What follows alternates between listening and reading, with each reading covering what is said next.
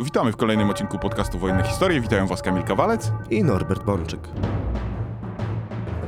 Co tydzień przybliżamy Wam szereg zagadnień oraz obalamy wiele mitów związanych z II wojną światową. Nasze odcinki powstają na bazie własnych, długoletnich badań naukowych, wertowania tysięcy stron zarchiwizowanych meldunków wojskowych, wreszcie publikowania książek i artykułów. Ten podcast istnieje dzięki zaangażowaniu i niezwykłej hojności naszych patronek i patronów, za co im bardzo dziękujemy. Jeżeli ty też uważasz, że warto zostać naszym patronem, możesz wesprzeć nas wpłatą w serwisie Patronate pod adresem patronate.pl łamane na podcast Wojenne Historie. Norbert, wróćmy w dzisiejszym odcinku do tragicznej kampanii wrześniowej. Chciałem z tobą porozmawiać o bitwie pod Tarnowem. I to nie bez powodu, bo jest to bitwa, o której mówisz, że jest to takie studium przypadku tego, dlaczego przegraliśmy we wrześniu 1939 roku. Że w tej bitwie jakby widać wszystkie nasze słabości, a jednocześnie widać przewagi niemieckie nad wojskiem polskim we wrześniu 1939 roku. Opowiedzmy troszkę o tej bitwie, właśnie z naciskiem na to, dlaczego można powiedzieć, że jest to takie studium przypadku tego, co spotkało nas we wrześniu 1939 roku roku. Zgadza się, Kamilu. Rzeczywiście dla mnie bitwa, ktoś powie bój o Tarnów, który został stoczony zasadniczo między 5 a 7 września 1939 roku, gdyż Niemcy zajęli Tarnów 7 września 1939 roku. Dla mnie ta bitwa, ten bój jest, tak jak to celnie ująłeś, studium przypadku, jedno starcie, które wyjaśnia wiele zagadnień także na poziomie operacyjnym, a nawet zgoła strategicznym, ale przede wszystkim operacyjnym, możemy na przykładzie jednej bitwy prześledzić kilka zagadnień. To jest relatywnie krótkie starcie, 72-godzinne tak naprawdę, dramatyczne. Niestety tutaj nie zaskoczę naszych słuchaczy, zakończone naszą porażką. I to jest bitwa na pograniczu dwóch naszych armii tak naprawdę. Armii Kraków i formującej się dopiero Armii Karpaty, czyli generał Schilling dowódca Armii Kraków, generał Fabrycy, dowódca Armii Karpaty, próbują ze sobą współdziałać. To im się pod Tarnowem niestety nie udało. I to jest taka próba utworzenia zwartej linii obrony, a potem zorganizowania współdziałania dwóch polskich armii. To, co się udało na przykład na poziomie armii Poznań i armii Pomorze, czyli koordynacja dwóch armii, tutaj niestety nie wyszło. Zresztą tak jak nie wyszło na większości polskich frontów w 1939 roku. Ale zanim przejdziemy do opisu samej bitwy, to może tak kilka słów tytułem terenu. Tarnów leży nad rzeką Dunajec. Ważną rzeką, która płynie z południa na północ, jest dopływem Wisły. W związku z tym można by powiedzieć, że stanowi naturalną, skuteczną barierę obronną dla wojska polskiego, które chciałoby odeprzeć inwazję z zachodu. Czyli jeżeli atakują nas wojska niemieckie z obszaru Śląska, z obszaru zachodniej Słowacji, to właśnie rzeka Dunajec wydaje się tutaj najbardziej korzystną, naturalną linią do stawiania oporu. To są tereny górskie, to są tereny wyżynne. Na południe od Tarnowa mamy Pogórze Rożnowskie, teren już silniej pofałdowany i można by powiedzieć, że rejon Tarnowa jest dogodny do obrony, zwłaszcza w oparciu o linię rzeki Dunajec, zwłaszcza w oparciu właśnie o Pogórze Rożnowskie i o rzekę Białą, która jakby płynie nieco bardziej na wschód od Dunajca. Tarnów w 1939 roku to było bardzo ważne, strategicznie położone miasto na południe od Wisły. Miasto, które można by powiedzieć jest takim łącznikiem pomiędzy Krakowem na zachodzie, a Rzeszowem na wschodzie. Czyli mamy taką oś Kraków, Tarnów, Rzeszów. Trzy duże, istotne ośrodki miejskie w południowej Małopolsce. Tarnów ważny węzeł drogowy i Tarnów ważny węzeł kolejowy. Wówczas dla nas bardzo istotne były węzły kolejowe, dlatego że nasze dywizje piechoty na ogół miały garnizony pokojowe w dużych miastach. W Tarnowie też był garnizon dla pułku piechoty, który to pułk piechoty mobilizowano dla 6 Dywizji Piechoty i ta dywizja zdołała się przed wybuchem wojny rozwinąć już do walki. Duże miasta były połączone siecią kolejową, w związku z czym to było istotne. Nie tylko infrastruktura koszarowa, ale również sieć kolejowa. Słowem, Tarnów Tarnów leżał na strategicznej magistrali. Kraków, Tarnów, Rzeszów i rzecz bardzo charakterystyczna i właściwie jest to najbardziej spektakularny taki przypadek w przededniu wojny. 28 sierpnia 1939 roku niemiecki sabotażysta wysadza w powietrze częściowo dworzec kolejowy w Tarnowie. 28 sierpnia ta data jest żywa dzisiaj wciąż w pamięci mieszkańców Tarnowa, dlatego że to jeszcze przed wybuchem wojny ta wojna już do Tarnowa przychodzi. 20 osób ginie na miejscu, 35 osób zostaje rannych, dworzec częściowo wylatuje w powietrze, doznaje bardzo poważnych uszkodzeń. Potem Tarnów będzie bombardowany na początku września, od 3 września 1939 roku de facto, poczynając właśnie ze względu na to, że stanowił ważny węzeł kolejowy. I niestety we wrześniu 1939 roku ten węzeł kolejowy nie spracował nam tak, jak chcieliśmy, ponieważ nadchodzące transporty natrafiały na trudności związane na przykład z bombardowaniami, z paraliżem ruchu kolejowego, w związku z czym przerzut wojsk przez centralną tą kolejową magistralę odbywał się zdecydowanie za wolno. Można by powiedzieć, że to jest studium przypadku do szerszego zagadnienia. Dlaczego nasze transporty kolejowe nie w pełni działały optymalnie? To znaczy, niezależnie od działań przeciwnika, wkradał się pewien chaos tych transportów, wydajności w tym wypadku linii kolejowych. O ile na poziomie teoretycznym planowanie było w porządku, o tyle działał czynnik ludzki. Przemęczenie, paraliż transportów w kierunku Tarnowa w drugim rzucie była przerzucana polska 24 Dywizja Piechoty. I ze względu na przeładowanie, zbytnie obciążanie miejscowych magistrali kolejowych, ten transport się opóźnił. To bardzo istotna rzecz. Nasze wojska, które wezmą udział w tym boju, w tej bitwie, przybędą w ten rejon z pewnym opóźnieniem lub w trakcie walki. Czyli, że nie nastąpi koncentracja naszych wojsk w przededniu bitwy. Zabraknie nam czasu na pełne,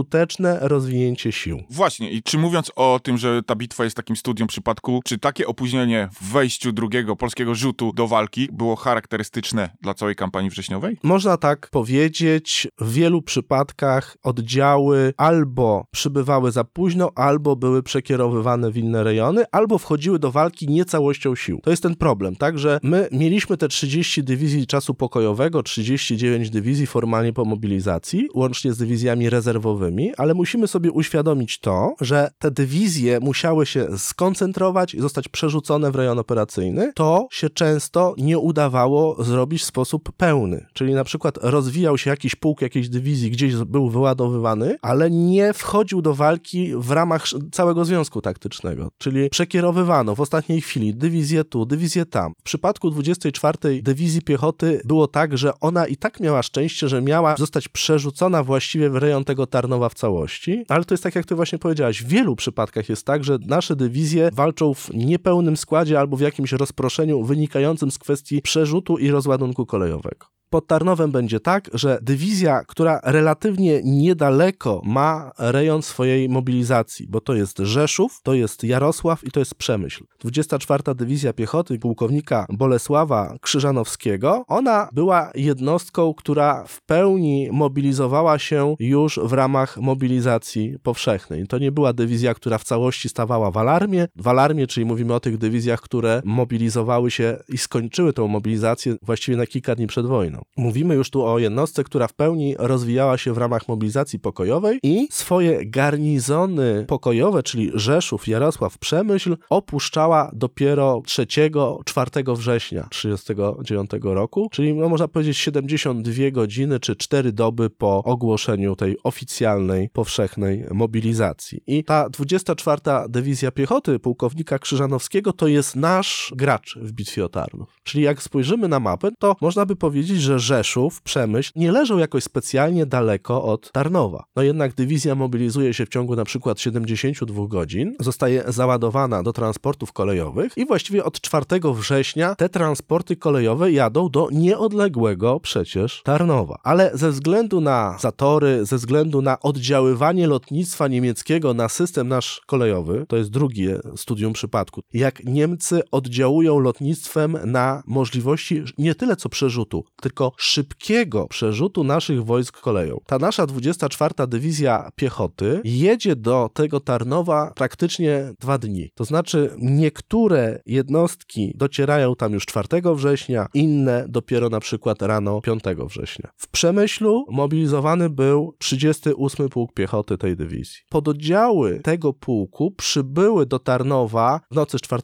na 5 września, rankiem 5 września. Z Rzeszowa przybywa 17 Pułk Piechoty, z Jarosława, gdzie w ogóle było dowództwo 24 Dywizji Piechoty, przybywa 39 Pułk Piechoty, przybywa 24 Pułk Artylerii. I dowódca pułkownik Krzyżanowski rozwija swoje stanowisko dowodzenia na południowych przedmieściach Tarnowa. Ma za zadanie obsadzić linię rzeki Dunajec. To było tyle istotne, że utrzymanie linii Dunajca było elementem kluczowym dla sprawnego wycofania się walczącej na zachód od tej rzeki armii Kraków, generała Schillinga, a zwłaszcza walczącej na południe od Wisły, na południe od Krakowa grupy operacyjnej Boruta, którą to grupę operacyjną utworzyły przede wszystkim 6 Dywizja Piechoty i 21 Dywizja Piechoty. Innymi słowy, w zamyśle naczelnego wodza rzeka Dunajec i Tarnów były przynajmniej przejściowo bardzo ważne, ponieważ widząc źle przebiegającą bitwę graniczną, naczelny wódz pragnął wycofać z jednej strony część wojsk armii Kraków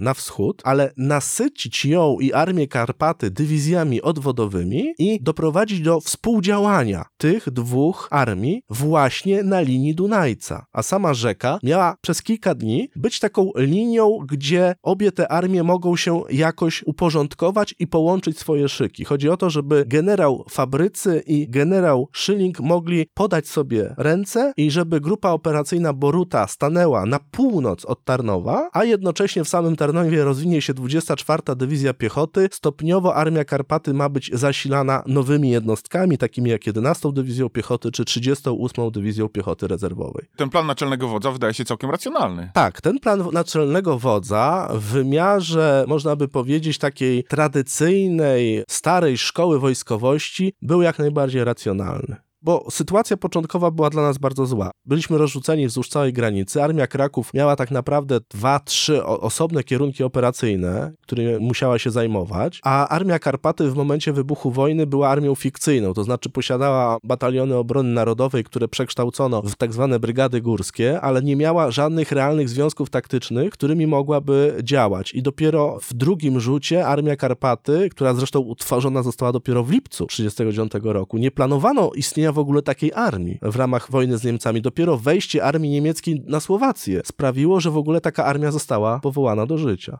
No więc ona nie miała z początku dywizji, potem przydzielono jej trzy dywizje. Śmigły zamierzał po stoczeniu bitwy granicznej cofnąć południowe, lewe skrzydło, to walczące na południe od Wisły, armii Kraków na wschód, właśnie za Dunajec, tam w pewien sposób połączyć je z armią Karpaty. Wówczas kilka polskich dywizji piechoty, można by powiedzieć, że przynajmniej czasowo stanęłoby na linii Dunajca, z Tarnowem jako punktem rozładunkowym posiłków, jako punktem zaopatrzeniowym po tej magistrali kolejowej Kraków, Rzeszów. Tamte wojska mogłyby się uporządkować i ewentualnie w zależności od sytuacji na przykład cofnąć się dalej na wschód. Więc plan Śmigłego oczywiście w teorii był słuszny i generał Schilling starał się ten plan realizować, dlatego że wojska grupy operacyjnej Boruta szły na Dunajec na przeprawy na północ od Tarnowa, mając nadzieję, że oprą się o Dunajec i Tarnów, którego będzie broniła 24. Dywizja Piechoty pułkownika Krzyżanowskiego z Armii Karpaty generała Kazimierza Fabrycego. Taki był plan i ten plan zupełnie niestety nie spracował. A co takiego się stało? Znaczy domyślam się, że tutaj chodzi o działanie przeciwnika, czyli Niemców, ale co takiego się stało, że ten plan nie zadziałał? No tutaj cię Kamilu trochę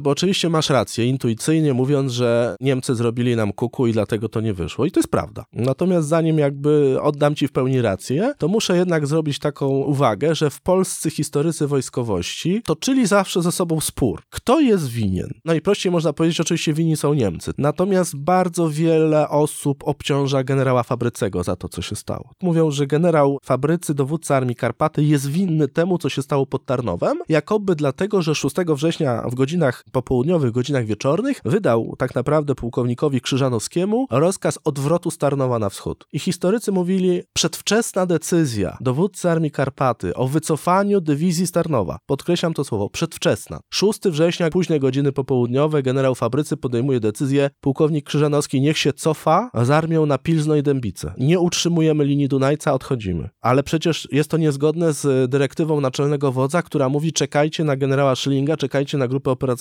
Boruta. A Fabrycy mówi odchodzimy. I historycy mówili przedwcześnie. Źle. Na potwierdzenie moich słów dam mały cytat z artykułu pana Michała Siwca-Cielebona, który się ukazał w roku 2006 w takim przeglądzie historyczno-kulturalnym Wadowiana, bo tutaj tytułem dygresji ja jestem pod olbrzymim wrażeniem działalności popularyzatorskiej historii w środowiskach lokalnych w Małopolsce. Można by powiedzieć, że powstają tam fantastyczne książki, powstają tam fantastyczne artykuły, badania lokalnych bitew, kampanii są naprawdę imponujące. No ale tutaj ten cytat z artykułu, który miał tytuł Morderczy wyścig po bezdrożach Małopolski, 12 Pułk Piechoty Ziemi Wadowickiej w walkach odwrotowych do Dunajca i Sanu. Tu cytat. W połowie pierwszej dekady września 24. Dywizja Piechoty stała się niefortunnym aktorem najtragiczniejszego błędu polskiego w kampanii 1939 roku. Błędu niezawinionego przez żołnierzy, ale przez dowódcę Armii Karpaty. Z punktu widzenia sztuki operacyjnej błędu kardynalnego i niewybaczalnego, brzemiennego w skutki dla dalszych losów kampanii. W czwartym dniu wojny na prędce zmobilizowana 24. Dywizja Piechoty znalazła się na zachodnim skrzydle Armii Karpaty mając jako główne zadanie osłonięcie styku tej armii z armią Kraków i kierunku przez Tarnów na Rzeszów Jarosław na przedpolach Tarnowa miała oczekiwać na południowe ugrupowanie krakowskie, cofające się na Dunajec. Rankiem 6 września nic jeszcze nie zapowiadało tragedii. Jeszcze w nocy, około pierwszej, generał Schilling, mający świadomość zagrożenia kierunku tarnowskiego, rozmawiał telefonicznie z generałem Fabrycym i jego szefem sztabu, pułkownikiem dyplomowanym Morawskim, a także z dowódcą 24. Dywizji Piechoty, pułkownikiem dyplomowanym Krzyżanowskim. Omówił położenie własnych oddziałów i prosił o wysłanie samochodami dwóch batalionów Armii Karpaty w rejon Brzeska dla stworzenia punktu oparcia dla nadciągających wojsk Armii Kraków. Niestety, wysłanie baonów okazało się niemożliwe, a kończąc tę rozmowę generał Fabrycy wypowiedział znamienne słowa. Zbyt wolno odchodzicie, bijcie się zamiast odchodzić. Można tu powiedzieć, że na łamach czasopisma autor artykułu stawia tezy fundamentalne. Najtragiczniejszy błąd polski kampanii 1939 roku. Z punktu widzenia sztuki operacyjnej błąd kardynalny i niewybaczalny, brzemienny w skutki dla dalszych losów kampanii. Można by powiedzieć bardzo mocne słowa. I ja się z nimi i zgadzam, i nie zgadzam jednocześnie. To w takim razie zacznijmy od tego, dlaczego się zgadzasz z tymi tezami? Bo można by powiedzieć rzeczywiście, że Tarnów to były takie wrota do piekieł. Oczywiście nie mówię o,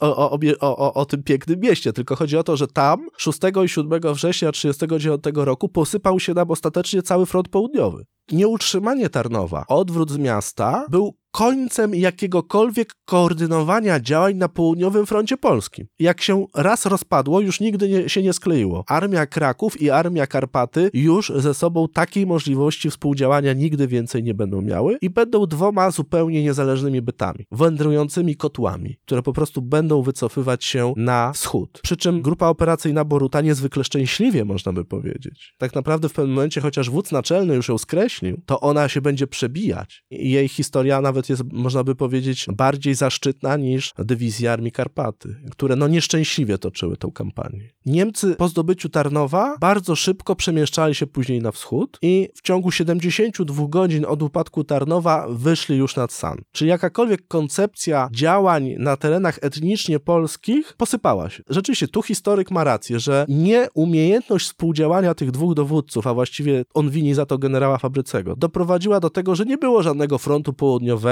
Potem, kiedy naczelny wódz wyznaczył generała Soskowskiego na dowódcę tego odcinka, to on nie miał czym dowodzić. Pomijam już to, że nie miał aparatu dowodzenia, ani logistyki, więc bez tego po prostu nie da się dowodzić, ale chodzi o to, że wojska nie były zwartą grupą. I Tarnów był początkiem końca, a ten południowy front był najważniejszy, dlatego że to, co się tam działo, wpływało na całe wojsko polskie, na całe planowanie naczelnego wodza, bo kwestia granicy z Rumunią, bo kwestia oczekiwania na dostawy zagranicznego sprzętu, właśnie przez Rumunię, bo kwestia bezpiecznych tyłów. I tutaj rzecz bardzo charakterystyczna dla tej bitwy jako studium przypadku. Wszyscy nasi generałowie, od wodza naczelnego poczynając, ale nie był od tego wolny ani generał Fabrycy, ani generał Schilling, żyli pod wrażeniem doświadczeń wojny z bolszewikami, zwłaszcza kampanii 1920 roku. To była kampania manewru, gdzie przeskrzydlenie, oskrzydlenie, obejście oznaczało decyzję o odwrocie. Nasi generałowie szukali bezpiecznych punktów oparcia do przeciwuderzenia. Nie toczyli wojny manewrowej w kategoriach takich, że no dobra, przeskrzydlili nas, są 100 kilometrów za nami, ale my walczymy tu. Nie cofamy się do jakichś bliżej nieokreślonych punktów bezpieczeństwa, tylko walczymy tu, gdzie jesteśmy. My raczej byliśmy nauczeni szukać linii stałego oparcia, czyli tak jak latem 20 roku, jak Tuchaczewski przełamał się na Białorusi, to myśmy się cofali w kierunku kolejnych dużych przeszkód wodnych. W ciągu tak naprawdę 6 tygodni wycofaliśmy się za Wisłę. Przegrupowaliśmy się i wyprowadziliśmy przeciwuderzenie. Czyli szukaliśmy takiej oazy, miejsca, gdzie się przegrupujemy i wyprowadzamy uderzenie, ale odwrót nawet setki kilometrów w głowach naszych generałów to jeszcze nie była katastrofa. Oni byli gotowi odchodzić na kolejne linie, a nie toczyć bitwę kombinowaną. Tutaj dochodzimy do elementu kluczowego, bo rzeczywiście jest tak, że Tarnów, tak jak powiedziałem, to był początek końca, ale nie jest prawdą, że generał Fabrycy odszedł za wcześnie. To nie jest tak, że myśmy trzymali linię Dunajca. To nie jest tak, że 24. Dywizja Piechoty dała radę, bo nie dała. No to w takim razie, Norbert, co tam się wydarzyło pod tym Tarnowem? Niestety pod Tarnowem wydarzyło się to, co ja już parę razy opowiadałem. Wpadliśmy na przeciwnika o pełnej mechanizacji. Nie walczyliśmy tam z niemieckimi dywizjami piechoty, tylko z niemieckimi dywizjami zmechanizowanymi. A właściwie walczyliśmy z jedną, ale wyjątkowo upiorną jednostką, którą ja uważam, że była najlepszą dywizją Wehrmachtu w kampanii 1939 roku i zrobiła nam największą krzywdę. Wpadliśmy na Austriaków z czwartej dywizji lekkiej. Zresztą tej dywizji w paru odcinkach już trochę poświęciliśmy uwagi. Właśnie dlatego, tak jak wspomniałem,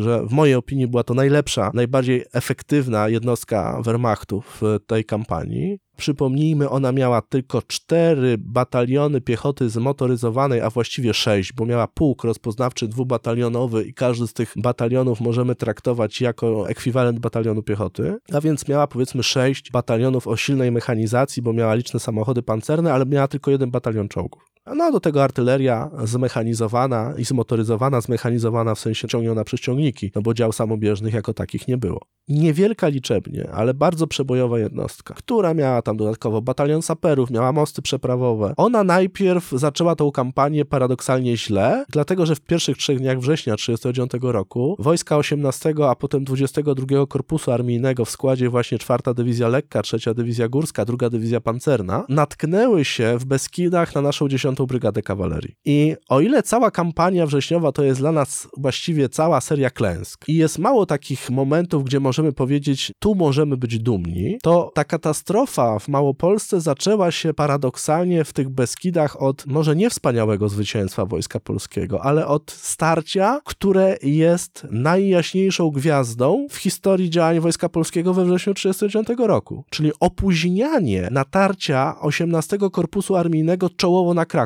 po linii Zakopane-Kraków. Uniemożliwienie Niemcom pierwotnego planu odcięcia generała Schillinga na granicy. 10 Brygada Kawalerii, bardzo malutki związek taktyczny, właściwie mający dwa bataliony piechoty, przez trzy dni skutecznie opóźniała rozwinięcie się do natarcia de facto korpusu pancernego przeciwnika. I to jest nasze największe, może nie zwycięstwo, ale to jest największy sukces w wymiarze operacyjnym Wojska Polskiego w całej kampanii. Zrobiony niewielkimi, ale w pełni zmotoryzowanymi, dobrze wyszkolonymi, bitnymi siłami. To właśnie dzięki postawie 10 Brygady Kawalerii nie zamknięto pod Krakowem w kotle całej armii generała Schillinga. Mieliśmy jedną taką brygadę zmotoryzowaną w całym wojsku, dobrze użyta, we właściwym miejscu. Przez pierwsze trzy dni wojny była dla nas olbrzymim wsparciem. Tylko to nie było zwycięstwo. Myśmy powstrzymywali, opóźniali rozwinięcie się drugiej pancernej i czwartej lekkiej i Niemcy nie zrealizowali pierwotnego zamierzenia, ale niestety 4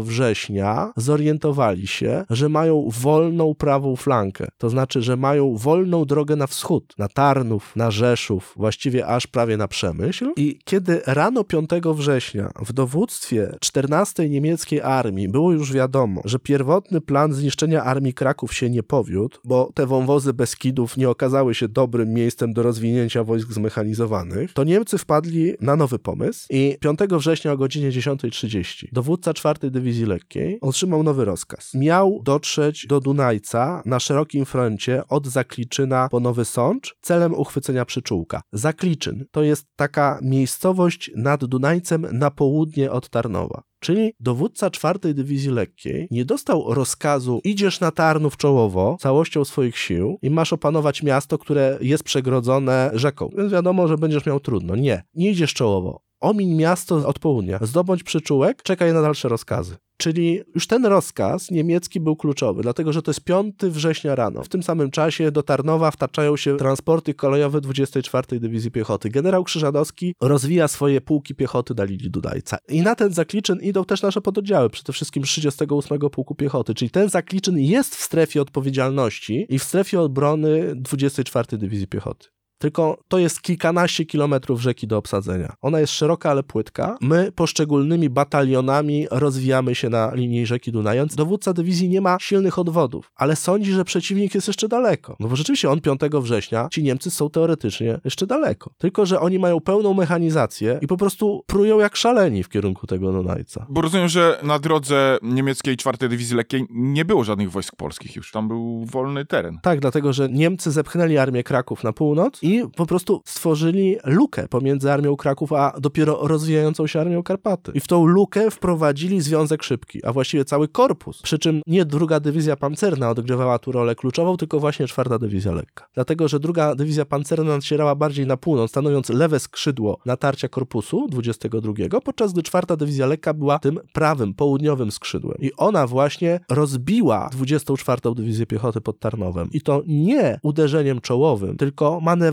oskrzydlającym w połączeniu z odwrotem polskiej dywizji ale po kolei. Już 5 września o godzinie 19 Niemcy dojechali do Zakliczyna i ich grupy szturmowe z marszu zaatakowały 38 Pułk Piechoty 24 Dywizji. Jak się czyta wspomnienia żołnierzy 24 Dywizji Piechoty z 38 Pułku, to oni no pierwszy, drugi, trzeci września mobilizujemy się w Przemyślu, potem wsadzają nas w pociąg, jedziemy dwa dni, tego 5 rano rozładowują nas, maszerujemy kilkanaście kilometrów, zaczynamy kopać okopy. I to jest 5 września. I nagle, dopiero co kopiemy okopy, przyjechaliśmy rano pociągiem, przeszliśmy w marszu kilkanaście kilometrów, budujemy pozycję obronną na Dunajcu i jeszcze tego samego dnia wieczorem napadają na nas Niemcy. Jesteśmy zmuszeni do walki nieprzygotowani. Własna artyleria jeszcze nie przyszła. Poszczególne bataliony walczą w pewnej izolacji. Niemcy mają ekwiwalent zbliżony, bo batalion jest napadnięty przez batalion. Tylko różnica jest w liczbie karabinów maszynowych, łączności, w tym, że ten batalion ma baterię artylerii przy sobie, aby nie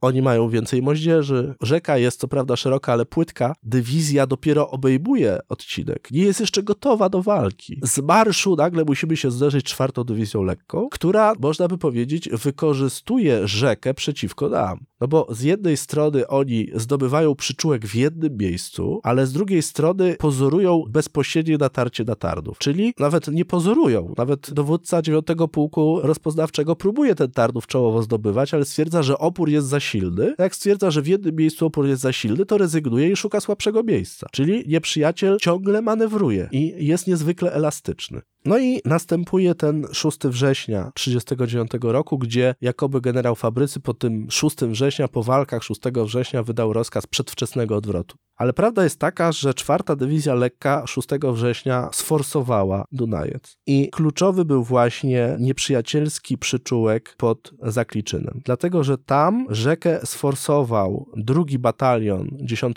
Pułku Strzelców Konnych Niemieckich, wzmocniony plutonem saperów i całym dywizjonem artylerii. I jeden niemiecki batalion walczył z naszym drugim batalionem 38 Pułku, drugi batalion majora Rolke, 38 Pułk Piechoty pod dowództwem podpułkownika Grabowskiego i Niemcy przełamali się częściowo przez nasz batalion, mimo że walczyliśmy twardo i Niemcy to przyznają. Tyle tylko, że kiedy Niemcy odrzucili nas od linii rzeki, to w sposób naturalny 38 pułk i elementy 17 pułku, on odchodził w kierunku Tarnowa, tak jak się broni dywizja, czyli zostaliśmy przeskrzydleni. Niemcy najpierw odrzucili nas ze swojego przyczółka, a jak go zdobyli, to nagle zdobyli drogi wolne na wschód, nie na Tarnów, tylko jeszcze dalej na wschód. I część oddziału generałów 4 Dywizji Lekkiej zaczęła nas wiązać czołowo i od południa, a część już tego właśnie 6 września zaczęła wykonywać bardzo głęboki manewr obejścia całej naszej dywizji od południa, bo 24 Dywizja Piechoty walczyła w próżni i to też jest dobre studium przypadku dla kampanii wrześniowej. 24 Dywizja Piechoty stara się współdziałać z innymi związkami taktycznymi sił własnych, ale nie ma z nimi bezpośredniego kontaktu. Ona dopiero czeka na linii Dunajca na maszerujące z północnego zachodu dywizje grupy operacyjnej Boruta, a jednocześnie na południu w rejonie Nowego Sącza próbuje nawiązać kontakt bojowy z innymi własnymi związkami. Tylko, że i na północy, i na południu jej skrzydła wiszą w próżni.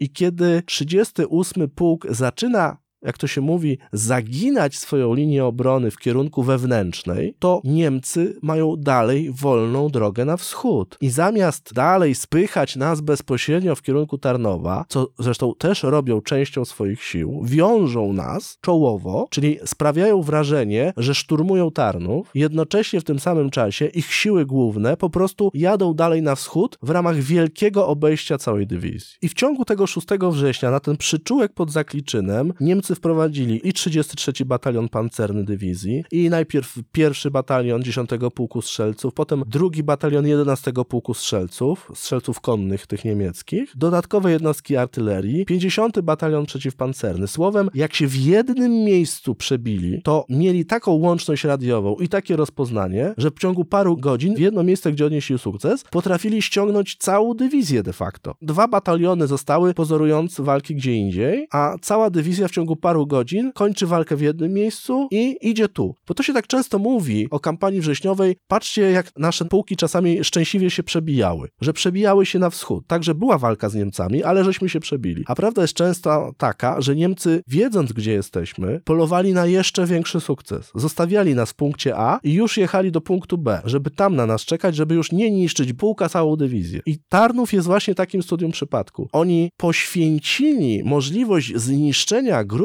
operacyjnej Boruta nad Dunajcem tak naprawdę, zostawili to, bo zobaczyli, że mają możliwość jeszcze większego sukcesu. Zamiast taktycznego sukcesu zniszczenia na przykład dwóch dywizji piechoty na północ od Tarnowa, wybrali opcję rozerwijmy im cały front i dojedźmy aż do Sanu. I w to grali Niemcy. I to pod Tarnowem nas właśnie zgubiło. Oni ciągle grali o wyższą stawkę. Bo tego 6 września można powiedzieć, że w momencie uchwycenia tego przyczółka na Dunajcu i przerzucenia tam całej niemalże, tak jak mówisz, czwartej dywizji lekkiej, de facto linia Dunajca została przełamana przez Niemców. Tak, 6 września 1939 roku linia Dunajca została przełamana przez Niemców. Zresztą w ogóle tego dnia posypał się cały front Armii Karpaty, bo niezależnie od działań oddziałów zmechanizowanych 22 Korpusu Armijnego, zaczęła jeszcze szaleć pierwsza dywizja górska na południe, niemiecka pierwsza dywizja górska. W związku z czym generał Fabrycy nie myślał już w tym momencie o nawiązywaniu łączności z Armią Kraków. On już myślał o tym, jak w ogóle uratować spójność Armii Karpaty, bo w tym momencie było tak, że osamotnioną 24 Dywizję Piechoty odcinało od Armii Karpaty Karpaty uderzenie dwóch niemieckich dywizji od południa. W związku z czym generał Fabrycy myślał, ratować muszę 24. Dywizję Piechoty. Mógł też pomyśleć oczywiście inaczej, czyli zostawię 24. Dywizję Piechoty Schillingowi, oddam mu ją, niech ona wejdzie w skład grupy operacyjnej Boruta. To było możliwe, ale generał Fabrycy wybrał inną opcję. Wande walczył o odtworzenie własnego ugrupowania, tak naprawdę już bez myślenia o koledze. Czyli z jednej strony była to słuszna decyzja od generała, bo ratował swoje wojska. To była o tyle słuszna słuszna decyzja, że generał Fabrycy wiedział, że jeżeli zostawi 24. Dywizję Piechoty w Tarnowie, to on już nie będzie miał żadnej innej dywizji na wschód. Może generał Schilling się wzmocni, ale i tak Niemcy będą na wschód od całej armii generała Schillinga, a on jako dowódca armii Karpaty straci jedną trzecią swoich dywizji w ramach tego manewru. Więc on raczej wolał wyciągnąć 24. Dywizję Piechoty, niż ją zostawić w tym Tarnowie, ale podjął decyzję o odwrocie dlatego, że tu paradoks, mieliśmy bardzo dobre rozpoznanie w powietrzu. Czwarta dywizja lekka bardzo głęboko głębokim manewrem 6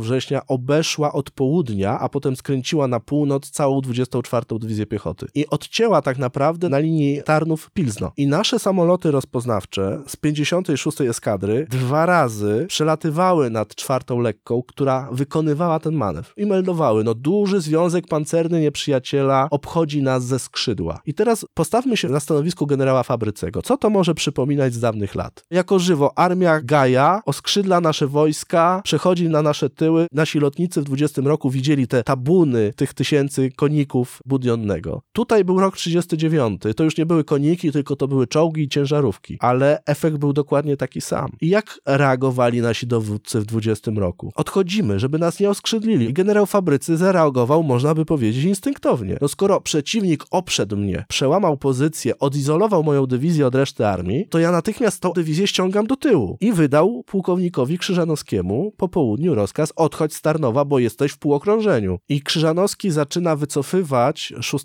września wieczorem, właściwie w nocy z 6 na 7 września, z linii Dunajca, gdzie my się wciąż bronimy i co ciekawe, dwa niemieckie bataliony czwartej lekki ciągle nas wiążą. To nie jest tak, że ta dywizja nas zostawiła i nas obchodzi. Ona się podzieliła na dwie grupy bojowe. Jedną grupą nas wiąże, drugą nas obchodzi. Jak w taktyce walki, ogień i ruch. Czołowa grupa wiąże cię ogniem, grupa manewrowa obchodzi cię ze skrzydła. Czyli modelowy manewr z podręcznika taktyki. Tak, tylko to jest niesamowite, kiedy to się na to patrzy po latach. To znaczy, w kampanii 1939 roku Niemcy popełniali wiele, czasami nawet szkolnych błędów. Mieli problem z organizacją, mieli problem ze współdziałaniem. Nawet tacy dowódcy jak Guderian wielokrotnie się mylili. Czasami Niemcy mieli głupie, szkolne błędy. Myśleli, że gdzieś jest mózg, a tam go nie było. Szukali, jeździli, nie walczyli idealnie, jak to jest oczywiste. I kurczę, dlaczego akurat czwarta lekka nie mogła się gdzieś pomylić? Zawsze są parę kroków przed nami, zawsze widzą więcej i niesamowita jest elastyczność dowodzenia batalionami zmotoryzowanymi przeciwnika w tej bitwie. To jest po prostu niesamowite, jak oni znajdują najsłabsze punkty naszej obrony, jak nas obchodzą, jak wnikają w nasze pozycje i jak są bezczelni. Bo to jest tak, że sześciobatalionowa dywizja rzuciła się na dziewięciobatalionową dywizję. No i strasznie nas sprali. Obchodzą nas ze skrzydła, my zaczynamy w nocą z 6 na 7 września odwrót. Tylko my odchodzimy wprost na nich. Czyli oni rozstawiają swoje armaty i karabiny maszynowe i swoje samochody pancerne, a my próbujemy się pułkami 24 Dywizji Piechoty przez nich przebić. I to wszystko dzieje się tak naprawdę na południe od szosy Tarnów-Pilzno i tego 7 września 1939 roku 24 Dywizja Piechoty w odwrocie zostaje częściowo rozbita, częściowo rozproszona. 17 Pułk Piechoty w miarę odchodzi w sposób uporządkowany, natomiast 38 i 17 Pułk Piechoty, które były właśnie narażone na starcie bezpośrednio z czwartą lekką i dostają tego prawego sierpowego, one muszą przenikać przez pozycję czwartej lekkiej. I znów, gdyby Niemcy chcieli zniszczyć 24 Dywizję Piechoty, to by ją zniszczyli pod tym Tarnowem, ale oni stwierdzili, dobra, pękli, to naszym celem już jest San. Zostawmy ich tu, jedziemy dalej na wschód. Czyli czwarta lekka w pewnym momencie odpuszcza, pozwala 24 Dywizji Piechoty rozproszonej odejść na wschód, przeskrzydla ją i jedzie dalej w kierunku już Rzeszowa potężne, imponujące tempo natarcia nieprzyjaciela, a u nas Armia Karpaty i Armia Kraków tracą ostatecznie ze sobą kontakt. I 7 września 1939 roku czwarta lekka od południa zajmuje Tarnów, w tym samym czasie, kiedy grupa operacyjna Boruta wciąż próbuje dotrzeć na przeprawy na północ od Tarnowa. Jest kontrowana przez m.in. drugą dywizję pancerną niemiecką. Schilling ma nadzieję, że fabrycy trzyma Tarnów i Dunajec, a 7 września w Tarnowie jest już czwarta lekka i już nie ma nad Dunajcem Wojska Polskiego. 7 września nasza 20 24 Dywizja Piechoty zostaje na tyle rozbita, że pułkownik Krzyżanowski doznaje załamania nerwowego i informuje, prosi o zdjęcie ze stanowiska dowodzenia, stwierdza, że panie generale, straciłem dywizję, nie jestem w stanie dalej dowodzić. Bo rzeczywiście 7 września formalnie ta dywizja się rozpadła w czasie odwrotu. Tylko, że Niemcy próbowali ją zniszczyć przez krótki czas czterema batalionami piechoty. Więc tam, gdzie nasze kolumny wpadły na jakiś niemiecki batalion z czwartej lekkiej, który zresztą długo na nich tam nie czekał, bo już miał rozkazy, jedziemy dalej na wschód. Ale jeżeli gdzieś nasz batalion, nasza dywizjon artylerii, nasze tabory wpadły gdzieś na czekający, przechwytujący batalion czwartej lekkiej, no to już tych batalionów, które na Niemców wpadły, nie było. I to też jest takie chyba studium przypadku tego, co się działo w, ogólnie w czasie kampanii wrześniowej, bo bardzo często nasze dywizje właśnie w taki sposób się rozpadały w odwrocie. Tak, ta wojna manewrowa nam nie służyła. Ona doprowadzała do tego, że nasze związki taktyczne rozpadały się w odwrocie. Nawet nie w bitwie zostały porażone, bo czy 24 Dywizja Piechoty pod Tarnowem została porażona w walce? Nie. Ona przyjęła ugrupowanie obronne i jej pozycje zostały przełamane na wąskim odcinku, w wyniku czego pozycje dywizji zostały głęboko przeskrzydlone i w wyniku utraty jednego odcinka obrony dywizja znalazła się w czymś, co można nazwać półokrążeniem, ale to nie było pełne półokrążenie, dlatego że Niemcy po prostu zajęli kluczowe miejscowości, a między nimi były duże obszary ziem niczyich. I 24 Dywizja Piechoty dostaje rozkaz odwrotu, no i na łeb na szyję wycofuje się z tego Tarnowa, po drodze ulegając dezorganizacji. I tutaj tutaj nasuwa mi się kolejne pytanie, bo generał Fabrycy ma tą legendę, czy też przypiętą łatkę słabo dowodzącego w kampanii wrześniowej, ale czy to jest prawda? Czy ten przypadek pokazuje, że może to nie do końca jest tak, że ta e, opinia jest słuszna? Polscy historycy byli dla generała Fabrycego po wojnie bardzo, bardzo surowi i uważam, że słusznie. Natomiast problem polega na tym, że właśnie czasami w ocenach naszych generałów nie chciano brać pod uwagę tego, co oni widzieli naprawdę. To znaczy w naszej narracji historycznej o generale Fabrycym, który jak najbardziej zasługuje na bardzo surową ocenę, bo był to jeden z tych wielu generałów, którzy po prostu się nie słuchali naczelnego wodza. Więc już sam fakt, że tak naprawdę generał Fabrycy robił co chciał, jest powodem do bardzo surowej oceny tego oficera. Ale mówienie, że generał Fabrycy 6 września przedwcześnie wycofał 24. Dywizję Piechoty, jest po prostu nieprawdą. Dlatego, że generał Fabrycy nie wycofał dywizji, która trzymała front. I nie zrobił tego przedwcześnie. Ta dywizja poniosła porażkę w walce i generał chciał ją uratować dla swojego ugrupowania, bo to, czego często nie chciano przyjąć do wiadomości, opisując walki o Tarnów, to to, że myśmy tego 6 września po prostu dostali w Bęcki. Często w książkach znajdziesz informację, że 24. Dywizja Piechoty trzymała front, a to nie jest prawda. Jej pozycje zostały przełamane. Oczywiście mogła zostać w Tarnowie i czekać na grupę operacyjną Boruta, tyle tylko, że być może nawet, tak jak już powiedziałem, dołączyłaby do grupy operacyjnej Boruta, ale już nie byłaby wtedy dywizją generała Fabrycego i w ogóle nie wchodziłaby już w ugrupowanie Armii Karpaty, najprawdopodobniej, a jednocześnie, kiedy grupa operacyjna połączyłaby się Boruta z 24. Dywizją Piechoty w Tarnowie, to tego samego dnia czwarta lekka zameldowałaby się w Rzeszowie. Zobaczmy na mapę, gdzie jest Rzeszów, gdzie jest Tarnów, czyli Niemcy byliby już kilkadziesiąt kilometrów na wschód i tak odcięliby nam wszystkie drogi odwrotu. Można gdybać, myśmy cofali się na łeb na szyję. Prześladował nas ten duch 20 roku, żeby wycofać się na jakąś bezpieczną pozycję. Tylko, że w wojnie manewrowej z Niemcami, którzy używali silników, czołgów, samochodów, nie było takich bezpiecznych oaz, takich przystani, gdzie można było się wycofać i tam już byłby stabilny, trwały front. Czegoś takiego nie było. To była wojna manewrowa i Tarnów jest tego bardzo dobrym przykładem. Do, tutaj dodam, 24. Dywizja Piechoty straciła część batalionów, straciła dowódcę, który złożył rezygnację po klęsce 7 września. Czwarta lekka pędziła na wschód i dzięki temu ta 24. Dywizja Piechoty miała okazję się pozbierać, odtworzyć część swojego potencjału, bo tak jak powiedziałem, Niemcy grali o wyższą stawkę i to też jest właśnie świetnie pokazane w Bitwie o Tarnów, jako studium przypadku, że oni mogli nas zniszczyć. Mogli zniszczyć dywizję w Tarnowie, mogli zniszczyć dwie dywizje grupy operacyjnej Boruta. Mogli, ale wówczas daliby nam kilka dni czasu na uporządkowanie tyłów, a oni nie bawili się w odrywanie nam kolejnych kawałków mięsa, tylko dźgali prosto w serce, prosto w mózg. No, Norbert, dziękuję Ci ślicznie za ten odcinek. Mam, no, mam wrażenie, że rzeczywiście udało nam się rzucić trochę światła na to, jak kampania wrześniowa była trudna dla Wojska Polskiego, jak Wojsko Polskie było nieprzygotowane i zaskoczone tym, co zafundowali nam Niemcy. Dziękuję Ci ślicznie za ten odcinek i do usłyszenia. Dziękuję bardzo. Dziękujemy, że byłeś z nami do końca tego odcinka. Odwiedź nas na Facebooku, Instagramie, Twitterze lub TikToku. Wszędzie tam znajdziesz nas wpisując podcast Wojenne Historie. Do usłyszenia.